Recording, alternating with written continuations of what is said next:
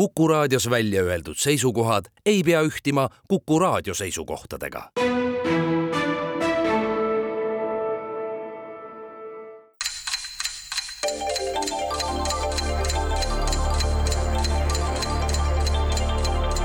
tarkade klubi targemaid küsijaid toetab lisateadmistega Postimehe raamatukirjastus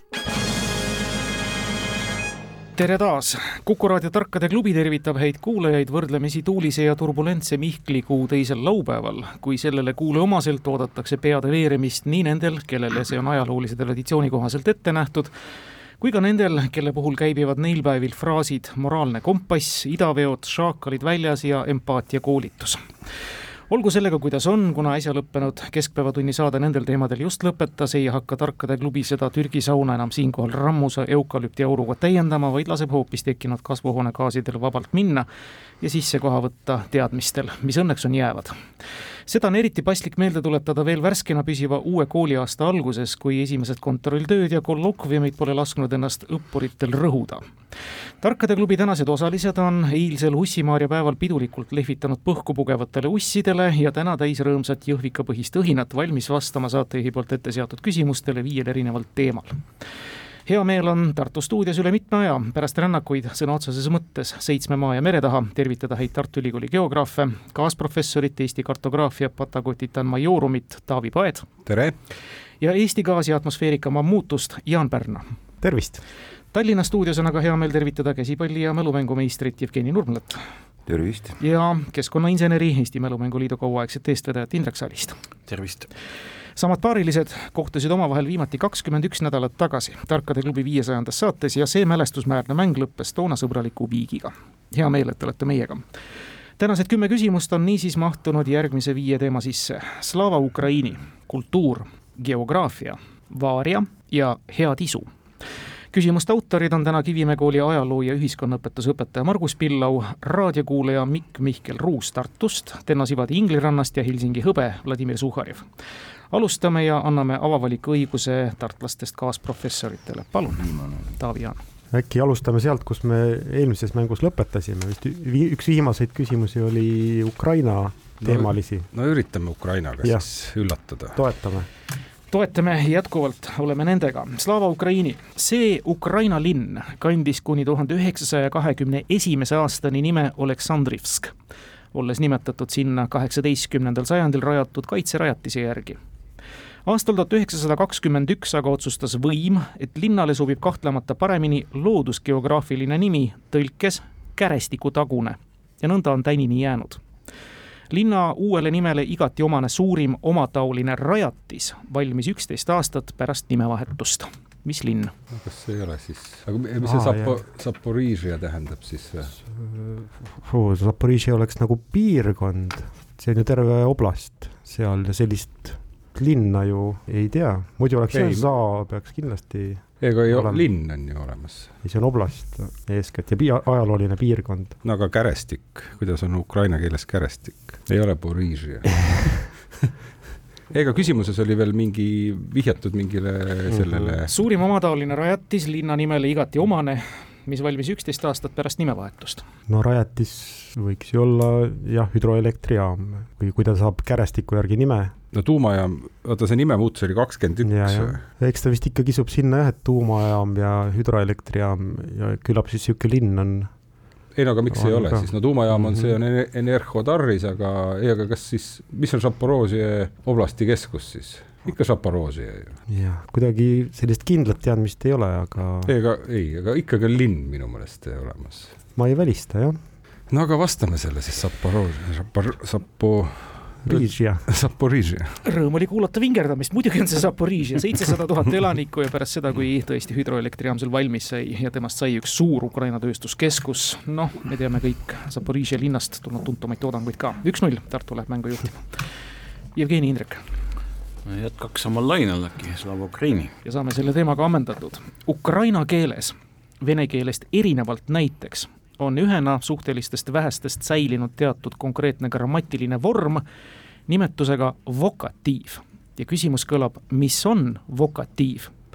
Eesti keeles seda samuti ei esine üks tuntumaid vokatiivi kasutamisi ajaloos, ladina keeles täpsemalt, oli aastal nelikümmend neli enne Kristust, viieteistkümnendal märtsil ning see on ka omamoodi lendlauseks saanud meie lähinaabritest on küsitav olemas läti keeles, soome keeles aga, vaatamata selle märkimisväärsele arhailisusele, Eesti omaga võrreldes jällegi mitte. mis on vokatiiv? jaa, nii, nii ammust aega, siis peaks mingi oluline sündmus sellega seotud olema, et nelikümmend neli, mis Caesariga juhtus, millal? tema vist ju seal kandis oli küll, eks ole, et see ta see... oligi sealkandis minu meelest ja see, kas sina ka Brutus või kuidas see tuu, eks ole, jah. no see on, tõlgitakse ka eesti keelde nagu ära jah, aga aga see peab jah, väga kuulus lause olema, et nojah, selles see asi ongi. et kuidas seda vokatiivi nii-öelda eesti, eestipäraselt nagu nimetada, aga, aga võib-olla tõesti, et, et kuidas, kuidas see vastust nagu oodatakse siis, et mis, mis mis on vokatiiv oh? aga võite ka seletada, kas nüüd päris Andrus keelulikul võtmes, ma ei seda oska öelda. aga kui ma mõtte ära kuulen, siis küll ma siis noogutan ja punkti panen. hakka juba noogutama no minu meelest nelikümmend neli enne Kristust, no asi on kuulsas lauses ja ka sina, Brutus. no aga see nagu ei ole mingi eriline nojah, aga vorm. kus me saame ta sealt kuskilt kätte? No mõtleme veel, kas on veel mingeid kuulsaid lauseid? vokatiiv, noh, nagu selle vokaal on see esimene osa sõnast, et kas ähm, no kogu see kõne on ju jah, et on vokaalid ja konsonandid, kas siis on kuidagi neid palju vokaale üheskoos, veni-vidi-viitsi? jah, ma ise mõtlesin selle peale ka praegu, veni-vidi-viitsi, et seal on, kas see lahing toimus sel ajal? jaa, sellepärast, et, et noh, minu meelest see Saama lahing. Kas ähm, see lõpp saabus natukene hiljem siiski, kui ma mõtlen mingi aastal miinus kolmkümmend kuus või kuidagi nii või?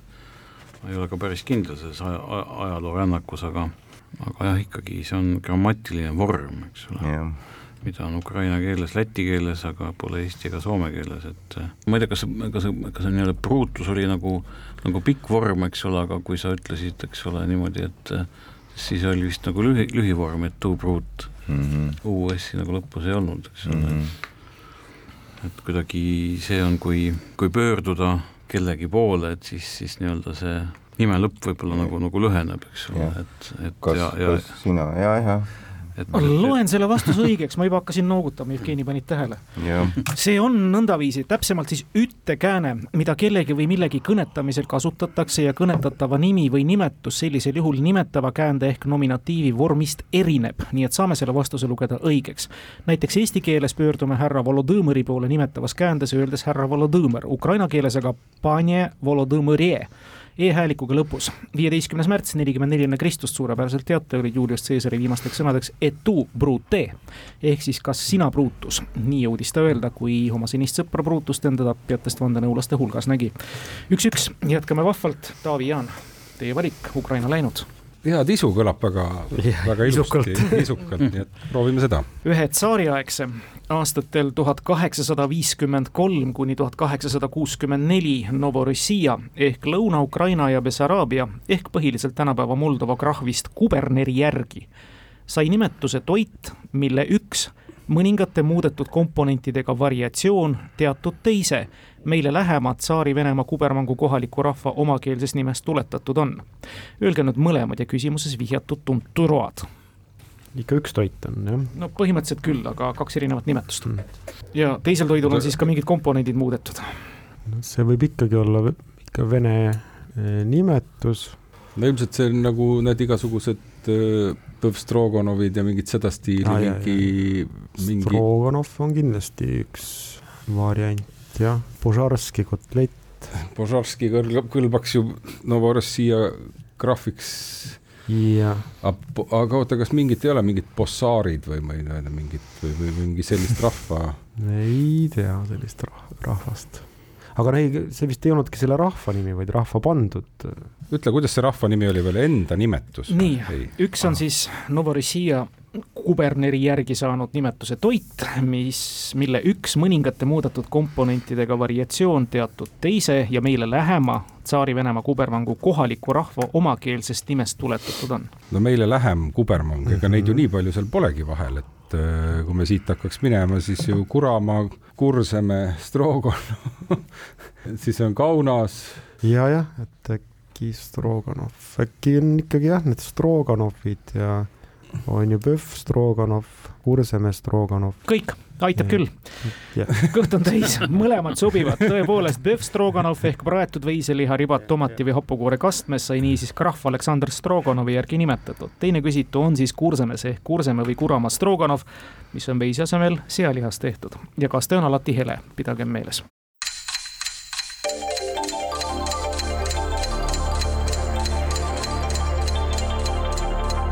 Tarkade klubi. targemaid küsijaid toetab lisateadmistega Postimehe raamatukirjastus. ega midagi, lähme edasi ja Jevgeni Indrek. eks võtame selle järgmise hea tisu, oleme tagaaja rollis jälle no nii, see kõik meenutab toda juubelimängu. Jurjevi linnas ehk Tartus ilmus tuhande üheksasaja teisel aastal üks järjekordne kokaraamat Eestis välja antud omataoliste pikas reas autor-koostaja oli keegi Jaan Koor. selles kirjeldatud retseptide hulgas oli ka toit saksakeelse nimetusega Kommorgen Feeder ehk tule homme jälle. mida see või need endast kujutab või kujutavad? valmistatakse seda Saksamaalt üheksateistkümnendal sajandil Liivimaale ja hiljem eriti Lätis populaarseks saanud rooga koos maitsestatud hakklihaga, süüakse koos supiga või isegi samuti eraldi puljongiga ühes. Kommorgen Feeder et eh, nüüd ei tea, kust otsast alustada või no kas nagu lihtsalt lihapirukad oleks nagu liiga, liiga labane, et, et on maitsestatud hakklihaga ja, ja, ja, ja puljongiga koos saaks süüa, eks ole no,. aga, aga siis tõesti enne tuhande üheksasaja teist aastat väga ei, ei olnudki tehtud lihapirukaid või? üks variant oleks, miks siis jah, homme jälle, et no võtadki jah, mingi ühe päeva siis mingisuguse prae ja aga kas tal on mingi kindel nimi või? Ta on toit saksakeelse nimetusega jah, Kommorgen Feeder. tähendab, eestikeelne nimi on tal ka ikka, nagu me asjast aru saame. tule homme jälle neist ärge ta argutage, onju, ärge ta argutage. ei no meil on keeled suus lihtsalt Lätis populaarseks, no ilmselt on siiamaani populaarne, aga, aga jah, me nüüd, nüüd siin kui ta Saksamaalt on tulnud, siis jah, pigem mingi pelmeeni variant see ei ole, et noh, need teised vene pirukad ka ilmselt ei ole, kuljepiakad ja mis seal no, veel oli. jah, siis on see nagu ühepajatoit või mingi selline asi, aga noh, see on nagu mingi selline asi, et, et sa, sa peaksid nagu saama homme jälle seda süüa. ja, ja, tule homme jälle, noh umbes nagu soojendatud kapsasupp on homme parem, noh on ju, noh tavaliselt öeldakse, et järgmine päev on parem no see ei saa ju ometi mingi pitsa olla. ei, vaevalt jah, see vist ikka jõudis ikkagi oluliselt hiljem siia kanti. seljanka ja kõik see ka hoopis ida poolt tulnud jällegi. mingi kapsarulli asi. või mingi omlett, aga ikkagi puljoniga koos omletti väga ei söö. nojah, aga ega siis kuidas olid koos maitsestatud hakklihaga? jaa koos maitsestatud hakklihad. et tegelikult ta ise noh, seal omal sees vist hakklihas ei saa nagu olla, et hakkliha on sinna pannakse, sinna pannakse. no sinna juba pannakse. see on aga... nagu täidetud paprika, ütleme umbes niimoodi. aga ma mõtlen, et kui, et, et siis ei saa vastus olla ikkagi lihtsalt lihapirukas, kui ei, ei saa jah. kui see tähendab, et, et see on midagi muud, mida süüakse koos hakklihaga, mitte hakklihaga juba seal automaatselt sees olema. no eks me peame siin midagi hakkama vist varsti välja, aga... välja pakkuma, et ähm, Kui... ma ei tea, ma ei kujuta küll ette, et tollel ajal olid ikka mingisugused paprikaid siin täideti või, või sellist asja vist väga ei olnud, et no kapsarull. no kapsarull, aga kas seda süüakse koos puljongiga? no kurat neid teab, lätlased no see, see oleks siis võib-olla, võib-olla variant jah, et äh, muidu sööd jah kapsast niisama ja homme siis jälle, et kapsarull on ka jällegi nagu tundub, et, et niisugune Venemaal ka kasutusel, et äh, no Saksamaal on, eks ole, sauerkraut, eks ole no., see hapukurgi värk, aga siin nagu ei oska ka midagi siin kokku panna. aga no võib-olla tõesti, et ega siis värske kapsas ja hapukapsas ja äkki siis on kapsarull kui niisugune ei ole see kahjuks õige vastus, ehkki kõlab kõik loogiliselt ja hästi. ja palun, tartlased. no lootsime tallinlaste peale ikkagi ka vedasite alt, vedasite alt, peame meie piinlema. andke andeks, ma loodan, et ei no see piru, see pirukas kõlas ikkagi ju nagu, et mis sa puljongi kõrvale sööd siis, et ikkagi ju pirukat. aga samas valmistatakse hakklihaga koos hakklihapirukas, aga noh, see ei kõla ei, nagu ka. sõnaliselt oleks imelik see ikka, et hakklihapirukat tehakse hakklihaga koos. no korra jäi mõte, et äkki ikkagi see pitsa käis ka vist Tallinnast, et noh, et teda ei nimetatud pitsaks, aga et et eh, noh, lahtine no, pirukas. jah, et mõeldi noh, et põhimõtteliselt nagu pitsa esmamaining, et nagu no minul esimene mõte ikkagi, kui ma kuulsin ja hakkasin mõtlema, et mis, mis toidule mina paneks nimeks Tule homme jälle, siis ikka mingisugune jääkide soojendamine või, või, või parandamine. samas kõlas kõik, et see on mingi asi, mis nagu ise üksi ei, ei kära päris hästi, et sinna on ikkagi hea midagi kõrvale teha või võtta ja see võib olla, no et ta on ise nagu suht neutraalne toit, kui sinna sobib nagu nii supp kui maitsestatud hakkliha kui võib-olla veel midagi. et sellepärast ähm, mina mõtlesin millegi lihtsa peale nagu praeleib või praesai, et äh, võtad jälle vana, vana saia ja. kuidas see hakkliha sinna puutub? noh, panni peale sa võid ju, ju lüüa sinna ka hakkliha, et et prae. aga mis me Läti köögist teame, mina tean, noh, seal on mm -hmm. nagu hernetoad ja sellised on rohkem hinnas kui Eesti köögis. muidugi see küüslaugu praeleib on yeah. Äh, asi, mis vist ongi Eestis ja Lätis, äh, mujal maailmas seda no,. Leedus on ka no Leedus ka jah, aga et mm. -hmm aga tule homme jälle, noh, mis jah, aga see supp ja puljong oli ära öeldud, see kõigil läks nagu kohe niisuguse nagu matuse meeleolu peale, et nagu puljong ja pirukas nagu, et ja noh, aga noh, mingid kotletid ja pikkpoisid ja noh, mida siis no jälle sa ei tee neid hakklihaga koos, sa teed neid hakklihast. et siin keeletoimetaja peaks kohe sekkuma muidu. Aga huvitav ikkagi, nojah, aga oota, aga siis keeletoimetajale pitsa ei sobiks, kui seda keegi sellist sõna ei teadnud ja tegelikult oli hoopis lahtine pirukas. hakkliha pitsa oli nagu noh. no aga siis ta ju natuke on juba ka praesai praesaia no, moodi. nojah, aga et ta lihtsalt mõtles, et Koka raamatus ma ei saa sõna pitsa kirjutada, sest ükski eestlane ei saa aru sellest, mhm. onju, ta nimetas seda Tule homme jälle uh. Mhm. -huh. see tähendaks muidugi, et ta tegelikult ju tõlkis selle saksa keelest lihtsalt, et ega ta Eestis on ka muidugi tehtud seal Saaremaal on see nagu pann, pannileib, mis on niisugune kartulitärklisest nagu pitsa moodi asi ka noh, mis, mida oleks väga mõnus süüa homme jälle. homme, aga ma mõtlen just puljongi kõrvale või noh, et on selles mõttes, et mida sa sööd puljongi või supi kõrvale mm -hmm. nagu noh, et kui sul on juba rammus, noh muidugi see pannileib, sinna pandi ka pekki ka nagu tehti või noh, sinna võis ilmselt, võib panna hakkliha ka peale no minu meelest kõik keerleb ikkagi, ikkagi lõpuks on ta mingisugune praesai. no aga vastame mõttes. ikkagi see pitsa moodi, et. aga see on liiga kitsas. no aga vasta, okei okay,, vasta siis. paneme praesai ei saa punkti kahjuks anda, aga lähedal te olite. tegemist on ülepannikookidega, mida valmistatakse ja serveeritakse tavaliselt niisiis ülalkirjeldatud lisanditega. loogika kõik oli õige, pannkoogid jäävad järgmiseks aga päevaks pitsa eest oleks pitsa eest ei oleks ka andnud, ei ole päris see ikkagi. ja hakkliha keeratakse siis pannkoogi sisse ja lätlased võtavad supi kõrvale ja hakkavad vihtuma. no vot, pannkooki supiga, vot seda küll ei. jah, vot ei tea neid kõiki eripärasid ja lätlased. lätlased, täpselt. pärast nelja küsimust Tartu napp kaks-üks eduseis Jaan ja Taavi saavad ka teema valida, kultuurivaarijat, geograafiat. noh, kas nüüd ma saan aru, et meie käes on see noh, meie. nüüd on siis aeg see geograafia võtta. võtame geograafia siis. ja küsijad Enno Sivadi Inglirannast, temalt neid geograafia küsimusi tuleb ja küsib ta järgmist. iseseisvatel Aafrika riikidel just väga pikka ajalugu ei ole, kuigi seda kontinenti on nimetatud inimkonna hälliks. konkreetne küsimus tahab teada saada ühte riiki, kus juba üheksandal aastatuhandel enne Kristust inimeellane, keda nimetati Homo Ivo Eleruensis, elas selle maa ühtse nime küsimus kerkis esile üheksateistkümnenda sajandi lõpus. esimeseks tõsisemalt võetavaks nimeks pakuti Goldesia sealkandis tegutsenud ärimehe George Dashwood Tauban Goldi auks. lõpuks aga läks käibele ajakirjanik Flora Shaw poolt aastal tuhat kaheksasada üheksakümmend seitse pakutud nimi. nelja aasta vältel eksisteeris selle riigi territooriumil teinegi riik, mille president oli tuntud hüüdnimega Emeka ja kus igal aastal muide vahetus pealinn. millisest riigist käib jutt oi, oi, oi. Aafrika, Aafrika geograafia. mul jäi see vahele ülikoolis, see Aafrika. mina, sellest hullem on ainult see, et minul ei jäänud, mina ikka, minul, minule ikka Udo Pragi õpetas äh, Aafrika regionaalgeograafiat no ühte asja ma võin küll nüüd välistada või kitsendada, et äh, see kõik kõlas ju, on ju Briti taustaga ja tegelikult osa Aafrikat siin jääb välja, et Briti impeerium oli siis enam-vähem põhjast lõunasse vöönd, et Lääne, Lääne-Aafrikast suurem osa jääb välja ja ka Kesk-Aafrikast. aga see Koldeesia no Sõna- see, see millegipärast ei ütle, et see, see Goldes jah, no kõige kuulsam nendest äh, inimese järgi nimetatud äh, riikidest oli Rhodesia, on ju, mis, mis oligi äh, Zimbabwe aga noh, see siis välistab, et Zimbabwe aga ei seal, aga seal ei pea kulda olema.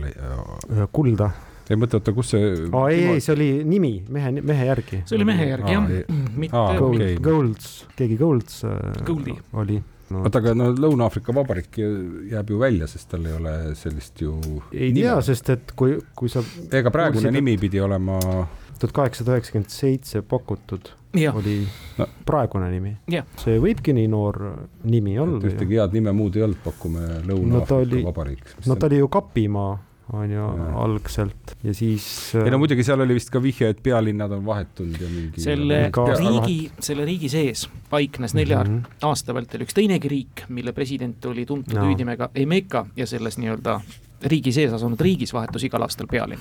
seal on praegugi Lõuna-Aafrikas on olemas riik, mis on seal on kaks riiki Jah, riigi Lesoto ja, ja Swasimaa. Eswatini. Eswatini jah, on uudse nimega.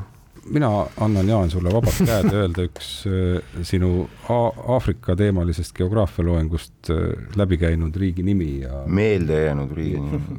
meelde ja, ja siis äh, vaatame, loodame õnnele või naudime Tallinna piinlemist. oh, no jah, ühtegi sellist fakti ikkagi ei ole, millest täitsa välistaks midagi, aga noh, ikkagi ju peab midagi pakkuma, ma pakun Botswana.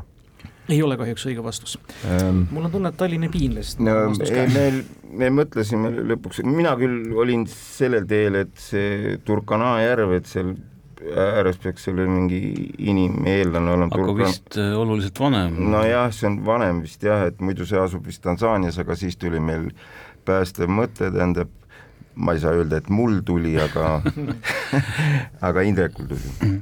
Et selle, selle teise riigiga hakkasime nagu kuidagi ketrama, et, et, et tuli meelde, et, et selline riik eksisteeris nagu Biafra vabariik, et kui kaua ta täpselt oli, aga võib-olla oli neli aastat ja ja asus ta siis Nigeeria sees, et Nigeeria võiks ka Koldeesi asemel kõlada, et suurepärane, täpselt nõnda see ongi, Biafra vabariik eksisteeris aastail kuuskümmend seitse kuni seitsekümmend ja pealinnad vahetasid igal aastal. see riik on Nigeeria, keda me küsime, tõesti Aafrika suurim riik, rahvaarvuga kakssada kolmkümmend miljonit inimest. Ja Ivo Eleru või Iho Eleru väljamiskaevamispaigaks oli siis Yorubamaa, on ta osariik. muide, selle nimetatud Biafra separaatriigi hümniks oli Sibeliuse Finlandia, see neli aastat. suurepärane teadmine viigistab seisu kaks kahele poole mängu peal. Jevgeni Indrek, te saate valida. aga äkki jälle Aafrika radadele. Sivadi küsimus. hea küll, võtame geograafia. kena, saame siis Steno Sivadi teise küsimusega ära kuulda.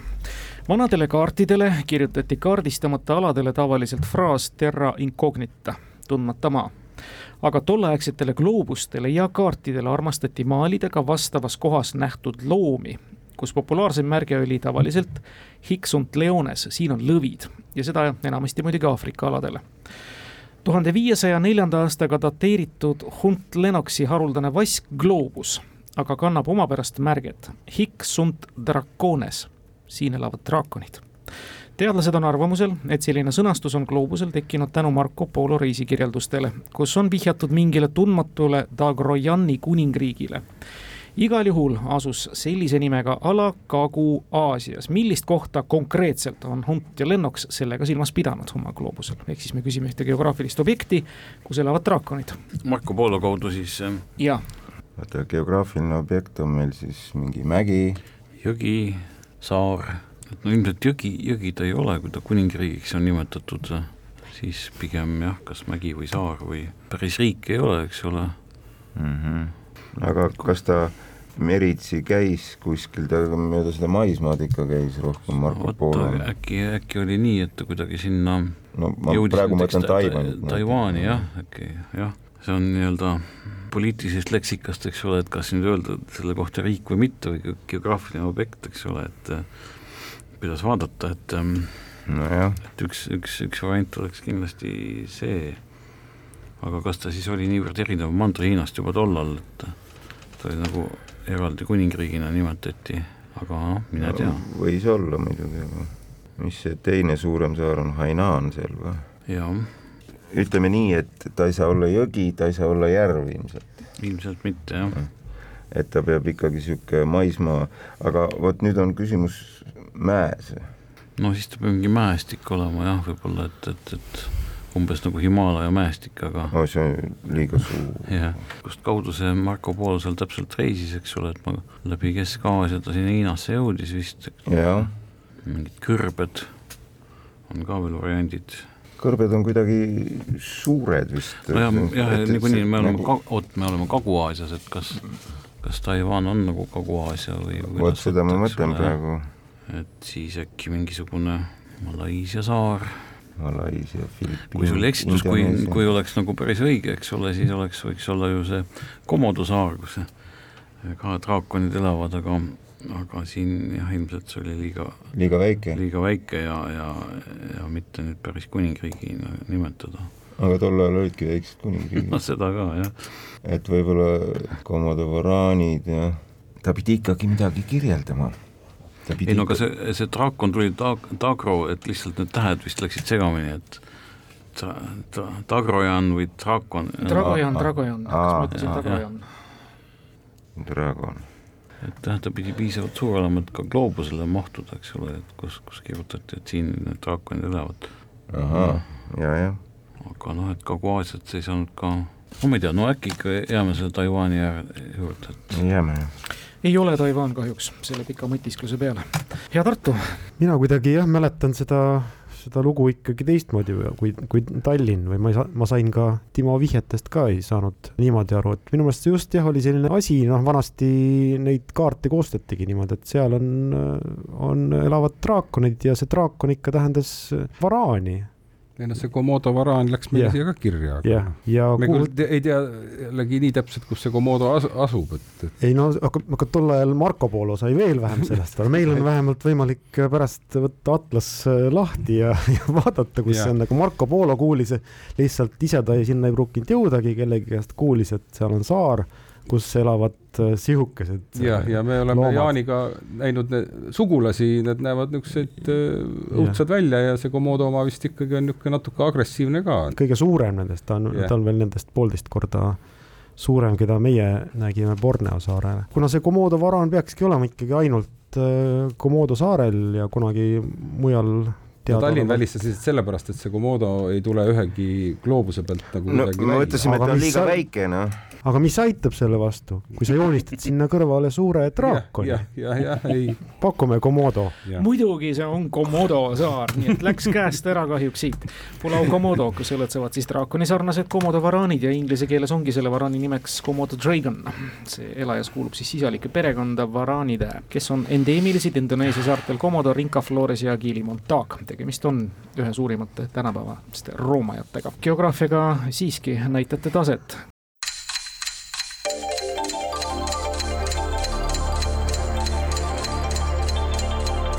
tarkade klubi targemaid küsijaid toetab lisateadmistega Postimehe raamatukirjastus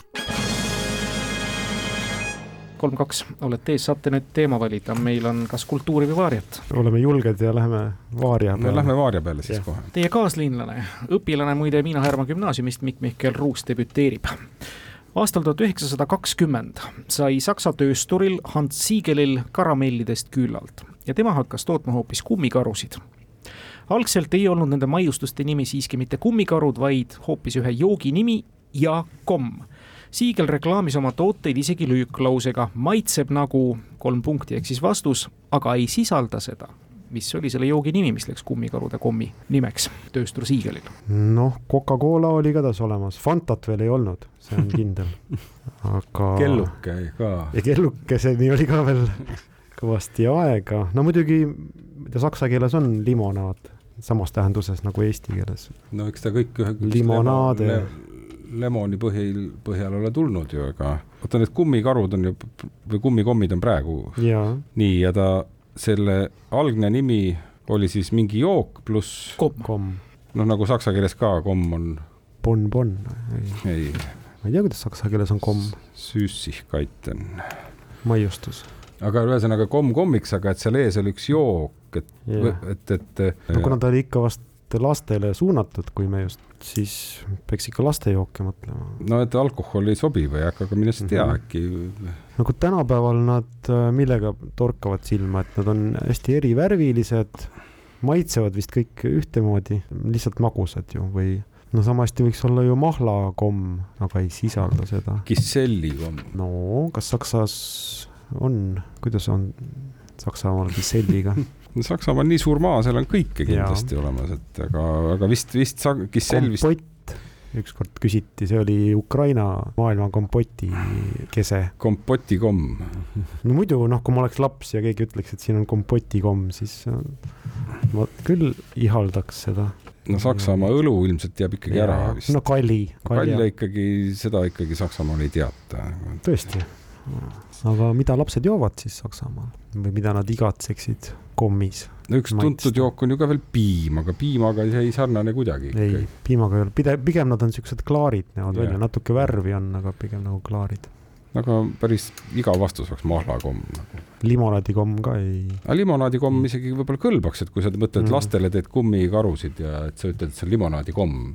et äh, ära joo Mhm. limonaadi, et söö selle asemel Jah. äh, limonaad läheb võib-olla kotis äh, ümber pudel katki, aga no mina ei tea, paneme limona-, limonaadikomm. Ei ole limonaadikomm kahjuks õige vastus. no vot siis ei, no see, ei no Fanta on muidu pärit Saksamaalt, aga see on aga see oli hilisem minu meelest neljakümnendatel. jah, kui nad sealt Ameerikast enam toorainet ei saanud. jah, jah. kahekümnendatel vot, noh, Schweppes ja, ja sellised asjad olid küll olemas, eks ole, no see vist isegi Šveitsist, aga soodavesi nüüd ka ei, ole väga kommi maitsega või vastupidi, nojah, need toonikud ja kõik need asjad on ju natuke nagu mõr-, ingveriga, aga lapsed ei tea, et seal ingverit on. on tõesti lihtsalt mahl, nagu öelda, on nagu no,, nagu natuke Ma, mage. mage jah ja., et siis peaks ütlema, et näiteks jõhvikamahl. jah, selle Fantaga oli see lugu, et see tuli hiljem. ja vaevalt ka, et see ikkagi seda Coca-Colat juba siis seal nii palju joodi. noh, mõlemad olid olemas, nii Coca kui Pepsi. see oli ju tuhat kaheksasada millegagi seal, no aga äkki siis ikkagi on see Coca-Cola siin puhul, et no paneme Coca-Cola. Ei ole ka see, siiski, siiski, ma ei tea, miks ta selle nime pani, kui oleks võinud suunata lastele selle nii-öelda kommi tegemise. see oli Weinbonbon ehk siis veinikomm, nagu ta seda nimetas, veinivärvi. kolm küsimust enne lõppu, Tallinn kaks-kolm tagaajaja rollis, aga saab valida nüüd kas vaaria või kultuuri. Vaarija, maailma kaasaja ühed huvitavamad, et mitte öelda veidramad leiutised ja algatused tulevad ikka Jaapanist, nagu viimane saadegi siinsamas tõdesime. eelmise sajandi lõpus töötasid Jaapani ettevõtte Rico esindajad välja masina, mis sai nimeks Öko Anti-Xerox. küsimus kõlab, mis on selle masina töö lõpp-produktiks? Öko Anti-Xerox. eelmise sajandi lõpp siis. kahekümnenda sajandi lõpp, Mhm. öko anti-Xerox, ökoloogiliselt vastu Xeroxit. et see lõpp-produkt peaks jah, mingi masin olema, millel on lõpp-produkt. lõpp-produkt. Eks oleks Xerox paljundusmasin, et, et mingisugust äh, paberihunt nagu noh, see noh, neid oli olemas siin. jah, ei olnud siin oli nii, nii värske juttu- leiutis, jah. juttu mingitest veidratest leiutistest, jah, aga no siin vihje on ikkagi sellel Xeroxil, et no Xerox jah, et see peab siis olema mingisugune asi, mis on ökoloogilisem ja kui Xerox, et nii-öelda anti-Xerox, Xeroxi vastu. jah. aga ta ise on masin. Ma enam lotopileteid ei osta, ma valin valesid teemasid. paljundustahma kuidagi jah, võtab välja, aga no millest, eks ole, või, või küsime lõpp-produkti. mm. -hmm. kas see on nüüd seotud paberiga või see on see millegi muuga seotud, noh et äh, no paber nagu tunduks nagu liiga noh, ütleme, et sellega on ikka ju igasugu asju ette võetud, et mm. mm -hmm. pioneerid viisid vana paberit ja ei saa ju olla mingi puuvili, juurvili, no aga äkki nad ikkagi kuidagi võtavad sealt nii-öelda vanadest paljundatud paberitest see tahma välja ja, ja siis ongi Ahah. nagu see paljundusmasina tahm. et siis tuleb nagu puhas paber sealt siis Noh, pärast näiteks, jääb järgi jah., okei okay., õige vastus, puhas paber on lõpp-produkt, mille kohta me küsisime. täpsemalt öeldes mitte ainult paljundustahm, vaid tegemist on aparaadiga, mis puhastab trükitud paberi sinna trükitud või prinditud tekstist. pane ta ka sisse ja tema puhastab selle ära ja võimaldab siis paberit jälle taaskasutada. kolm-kolm viigistate sellega seisu ja meil jääb täna mäng kultuurselt lõppema ning kultuuriküsimus kõigepealt saab kõlama Tartule. ja väga tore, et see küsimus läheb nüüd alles hiljuti siin Teaduste Akadeemia liikmekandidaadile teaduste Akadeemia on teadagi asutus, kus on kõik targad mehed ja naised koos. tuhande üheksasaja neljakümne kuuendal aastal õnnestus Eesti NSV Teaduste Akadeemia korrespondentliikmeks saada aga isikul, kellel isegi keskharidust polnud omandatud sellele vaatamata polnud kindlasti siiski harimata inimesega tegemist ega ka mõne punategelasega mitte, kuigi revolutsioonilise minevikuga ikkagi. kellest käib jutt? kultuuriküsimus. aga kas see, no kohe esimesena, kas ikkagi, nüüd on see variant, et öelda niiviisi, et kui Timo ütleks kohe, et äkki see on õige, aga kui hakata arutama, kas Tuglas ei ole selline. ühesõnaga ja, ja, ja. minu meelest Tuglasel ei olnud mingitel parimatel aastatel istus vangis hoopis selle asemel, et ja nelikümmend kuus. jah, oli Tuglasel kindlasti tipp. Äh, ei no ta võis aeg. saada Eesti NSV teadust, hiljem ta läks kõik äh, halvasti. see ei olnud kindlasti aeg, millal Tuglast äh, kotiti ühesõnaga see, ma arvan, et see ei ole teadlane, aga ma ei tea, kas me mõtleme edasi või, või? tegelikult no suund on täpselt see jah, et kes on muidu ikkagi tuntud noh, kirjutama ju ikkagi peab või ainult jutumehi tol ajal oli üldse vähe, ju polnud seda foorumit. aga vastame siis, Tuglas. õige, õige. õige, Jevgeni jõudis ette, muidugi on see Friedebert Tuglas, küsitud fakt esines Jevgeni võtab saatejuhtimise minugi poolest, ka meie kanali sarja Entsüklopeedia ühes hiljutises temaatilises saates Enn Eesmaa ja tema esile toodud põnevate tõsilugude seltsis soovitama veeta mm. pühapäeva lõunatundi kõikidel, kes seda veel ei tee ja praegu jällegi lähete neli-kolm ette, Tallinnal on võimalus mängu viigistada. Viimase küsimusega, nii et vähemalt viik käest Tartu, tubli, nagu Eesti võrkpallikoondis. küsimus kõlab siis teile. helilooja, koorijuht ja pedagoog Aleksander Läte tegeles tuhande üheksasaja kolmekümnendatel aastatel ka klaverite valmistamisega. Oma lahkunud vanema venna Eugeni tööd selle algatatud ettevõttes Sprenk Läte nõndaviisi jätkates vastava tegevuse käigus konstrueeris ta muuhulgas midagi, mille peale kas teadaolevalt või vähemalt süstemaatiliselt keegi teine samalaadse töö tegija varem polnud tulnud või siis kasutamisvääriliseks pidanud. mis see on, mille Aleksander Lätte siis valmistas? Alo Põldmäe loodud klaverimuuseumis Holdre mõisas on küsitava näide eksemplarina ka näha.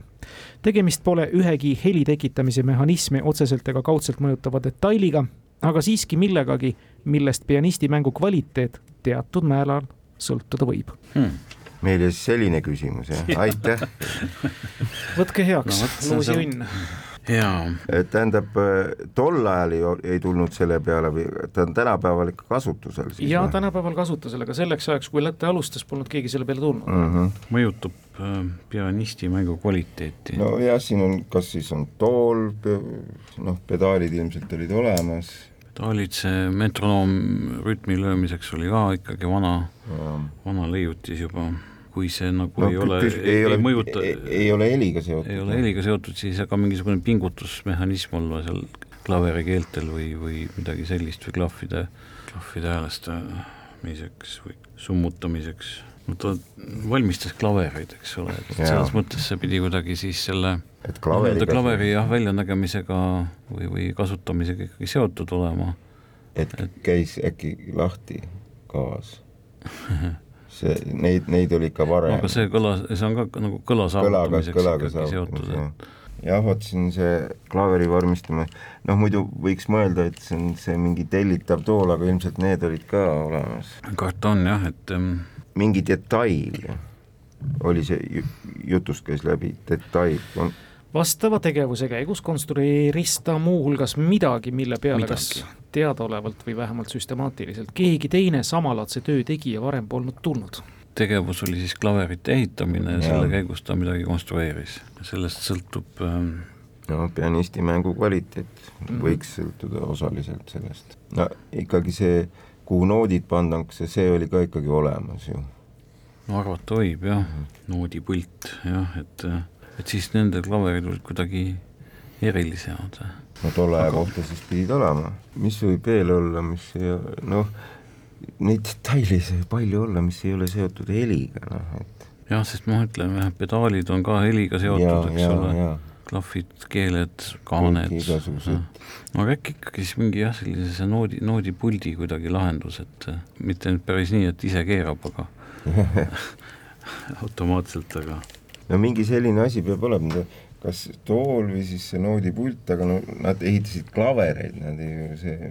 Nad ehitanud toole ja., jah no siis me, me ei ehita toole, me ehitame maju no siis ütleme ikkagi siis jah, sellise nii-öelda noodipuldi lahendus, mis oli selline. ei ole see kahjuks õige vastus, täna tuleb siis vähemasti nappi alla jäämist tartlastele tunnistada, Tartu geograafid puhanult saavad nüüd tulistada mis iganes vastuse, võitlus enam ei väära. väga, see on väga meeldiv tunne jah, aga ega jah, see on tõesti oma, omaette huvitav küsimus, et kas klaverivabrik tootis ka klaveritoole või, et, et aga ju ta ikka tootis vast, et ega siis. no tänapäeval on sellega ikkagi niimoodi, ma ei tea, kus ma nägin seda just, aga et, et oligi ikkagi klaveritool oli klaveriga nagu samast komplektist või samast, sama viimistlusega. no muidugi, sul peab ikka korralik ja, aga noh, seda ma ei taha uskuda, et selle keerleva asja nüüd äkki kolmekümnendatel alles äh, eestlased välja mõtlesid, see no kuigi täna, kuigi need uhked klaveritoolid vist ei ole need keeratavad, need on sellised. no nüüd on nad juba edasi arendatud ja., jah, seal, tähendab jah, need on nüüd, nüüd on ikka nelinurksed ja need ei ole midagi, need on nelja jala peal.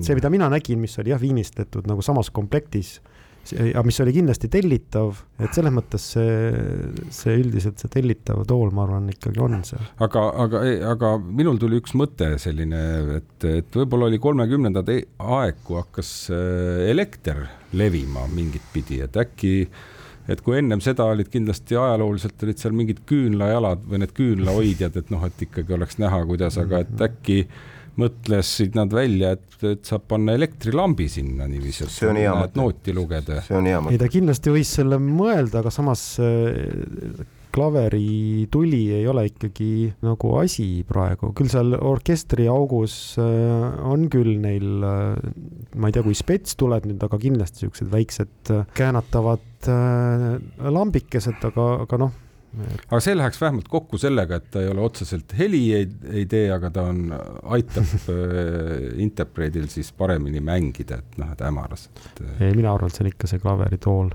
no aga mis asi tool, no ja. ma sellest Timo ei anna punkti, meil ei olegi vajagi seda punkti no. aga aga et mis see noh, see ei ole oma, see. vastake oma lamp ära ja ei, ei, ma ei usu, et see on lamp. ei no mis sa ei usu? no vasta siis oma tool. aga kuidas sa klaveritool.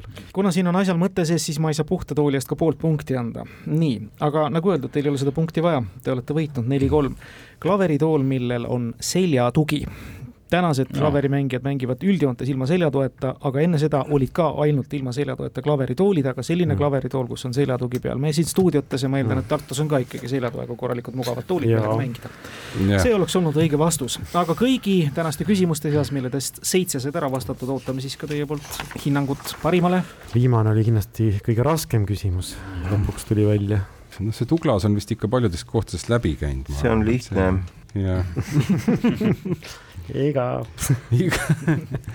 No ja no Zaporižia tuli ka ikka lihtsasti. et ülepani kokke puljongiga süüa, see on ka huvitav teadmine, mis nüüd no see antikseroks, me mõtlesime ka ja, selle välja, aga see oli ka nagu see oli loogika ja, küsimus, sest et sellist asja ju vist massikäibesse, no Eestisse ei ole nagu massiliselt vot see on küll jõudnud rohkem nii, aga siis kurioosumite seas aga siis teeme antikseeroksile ja teeme siis pannkookidele puljongiga, ehk siis tule homme jälle. küsimusele kummarduse, nendest ühe autor on siis äh, Margus Pillov ja teise küsimuse on saatnud meile Helsingi hõbe, Vladimir Suhharev. aitäh teile, Jevgeni Indrek Tallinnas, aitäh teile, Jaan Taavi Tartusse, ilusat sügise jätku ja kuulmisteni.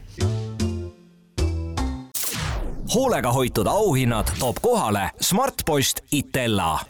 lõpetame saate kuulajamänguga, kus esmalt võlgneme kuulajatele vabanduse üks tehniline kotermann takistas läinud laupäeval jõudmast kuulajamängul eetrisse ja seetõttu õiendame võlgnevused. niisiis üle-eelmisel laupäeval tahtsime teada saate lõpus vastust küsimusele, milline väljend tekkis tänu sellele, et üheksateistkümnendal sajandil elanud Prantsusmaa poeet Stéphane Liajar soovitas kord ühes laulus pöörata tähelepanu sellele, mis värvi on merelained. sellest väljendist sai ühtlasi geograafiline nimetus õige vastus on, et selleks väljendiks on Côte d'Azur. kõige õigesti vastanute vahel naeratas loosiõnn kuulaja Enn Kirsmanile. palju õnne, teiega võtame ühendust. Eesti Loodusmuuseumi seenenäituste raamat kuulub teile. uus nädala küsimus kõlab järgmiselt tänaseks kaugelt üle kuuekümne aastane berliinlane Harry Haigel täitis neljakümne nelja aastaseks saades oma veidra, aga igati mõistetava unistuse. Ta oli ära käinud viieteistkümne riigi üheksakümne seitsmes linnas, sealhulgas viieteistkümnes, mis paiknesid USA-s, kuues, mis paiknesid Boliivias ja ka ühes, mis paiknes Uus-Meremaal. mis ühendas neid kõiki loetletud punkte, linnasid, mida külastas Harry Haigel vastuseid ootame nagu ikka e-posti aadressil tarkadeklubi.kuku.ee või tavapostiga aadressil Tartu maantee kaheksakümmend, Tallinn, Kuku raadio, Tarkade klubi. samadel aadressidel on oodatud ka teie küsimused saates mängivatele tarkadele. tänaseks lõpetame, kuulmiseni